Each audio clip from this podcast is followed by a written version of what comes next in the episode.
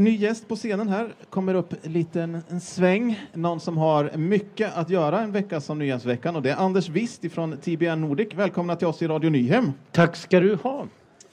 Um, den här veckan sitter inte du still så länge och dricker kaffe. Nej, det, så har det inte varit.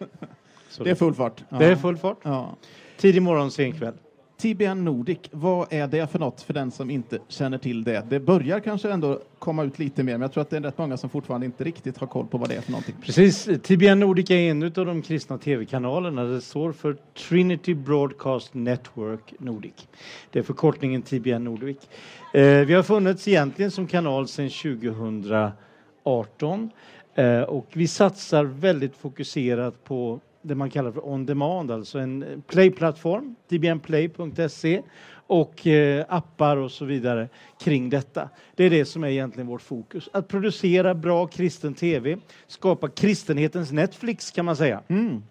Så där fyra år senare eller in i det här arbetet, ja, det har hållit på lite innan då kanske, men hur, hur, hur mår TBN nu? Vad händer nu? TBN mår väldigt bra om man ser till intresse. Vi har man, man får registrera ett gratiskonto, e-postadress och ett namn till exempel. Då kan man titta egentligen på allt som finns på vår plattform kostnadsfritt. Och det är det 26 700 som har gjort nu. Så det är en ganska bra grupp. Sen kan det många andra som tittar också. Så att så sett så är det väldigt positivt och intresset det bara ökar. Eh, media är ju en naturlig och viktig del för oss i vårt samhälle idag påverkar väldigt, väldigt mycket. Mm. Och här tror vi att det finns ett stort behov av att finnas med ett tydligt budskap, eh, positiva värderingar och reflektera över världens och samhällets situation utifrån en biblisk världsbild. Mm. Det är det vi gör i våra program. Mm. När ni startade då fanns det ju inte en tanke om att det skulle komma en sån pandemi som vi nu har varit igenom, i alla fall i en svensk kontext, men den har ändå nästan varit halva tiden. Mm. Så hur har det påverkat er och ert arbete? Det har påverkat väldigt mycket vill jag säga. Dels har det skapats en större medvetenhet i olika församlingar och kyrkor om just behovet av att sända eh, program i olika former och framförallt gudstjänster. För oss så blev det som så att vi startade ett program som heter God morgon tisdagar och torsdagar en timme bara för att skapa relation med de som tittar på oss. Och det har varit väldigt uppskattat och viktigt. Sen är jag lite orolig om jag ska vara rak och ärlig just nu för att många församlingar har haft sån full kraft på att återstarta sin vanliga verksamhet. Så att just media, det var något som var nice under pandemin men inte riktigt needed. Mm. Alltså det var inte riktigt sådär livsavgörande, men jag vill hävda att det är det just nu för en församling. Det är inte om man ska ha en mediastrategi, mm. utan det är hur den ska se ut som lokal församling. Just det. Och kanske att man då kan koppla ihop sig också om man känner att man är alldeles för liten för att göra det själv med andra eller på andra organisationer på något ja, men, sätt. Ja men korrekt och, och, det ni står för med radion, jag vill hävda att det här är, det är inte avveckling utan utveckling. Mm. För att radio funkar, tv och media funkar. Däremot så tror jag att vi borde tänka ännu mer på hur kan vi samverka mm. för att nå ut. Mm.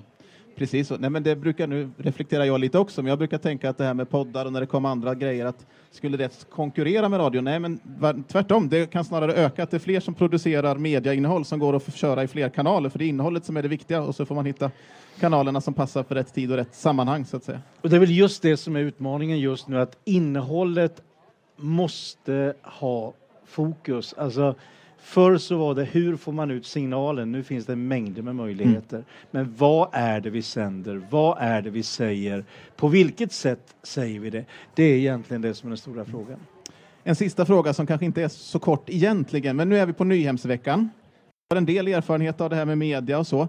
Hur ligger Nyhemsveckan då i det här precis, att ha ett innehåll som går utanför tallarna, bortanför riksvägen här? Det vi har ju funnits och sänder de flesta av de kristna konferenserna, har gjort i alla fall under de här åren och vi har bra nätverk. Och jag kan väl säga att tekniskt sett ligger Nyhemsveckan väldigt långt fram. Man investerar och satsar på det här. Och ni har en väldigt bra organisation inom radion och det finns också med tvn. Sen kan man väl säga att innehållet på alla de här kristna konferenserna, de blir, det blir ganska introvert. Det blir ganska mycket inåt. Det blir att en, en service för de som inte har möjlighet att komma hit. Eh, det här är ju inte paketerat för den icke kyrkvane oftast. eh, gudstjänster och så vidare, utan det är för de som är här. Och sen sänder vi lite, lite längre. Mm. Ja, det kan behövas ibland en liten tolk eller någon som kan hjälpa till i den resan också för att nå ut lite mer. Så kan, vi nog, kan jag nog hålla med om, eller känna också ibland. Ja. Mm. Nej, men sen är det väl bara det att när man är inne i en sån här stor hall, flera tusen människor, det är väldigt fokus på det som händer där mm. i rummet. Och sen så kanske det ibland är så att man glömmer bort att det är kanske dubbelt så många som är i hallen mm. som vi har framför skärmarna eller framför radioapparaterna. Och de är viktiga att inkludera på ett ännu bättre sätt kan jag tycka framöver. Mm. Det är nog en resa som vi har varit på sedan då närradion kom 83 någonstans 88 tror jag vi började sända här från Nyhem att tänka den tanken att vi inte bara med för eller radiolyssnarna är inte bara med för att jo men de kan få hänga med lite utan att det också är en publik för det har man nog fått höra under årens lopp och på olika sätt och kanske samma för er med tv att ibland Nej, jag, den jag kommentaren tycker, kan komma att jo, men det är väl trevligt att de är med men det är ändå för hallen vi gör det eller ändå för kyrkan vi gör det. Jo, och jag tycker att där är, där är det dags för en liten eh, ja, inte korrigering, men att bli, göra det tydligt. Vi har en mycket större publik än vi, mm. vad vi bara anar. Eh, faktiskt. För en ny tid så att säga. Du, vi ska inte uppehålla dig längre. Du ska vidare och vi ska ju faktiskt lyssna på dina sändningar här om en liten stund när vi är färdiga här uppe. Så vi tackar dig Anders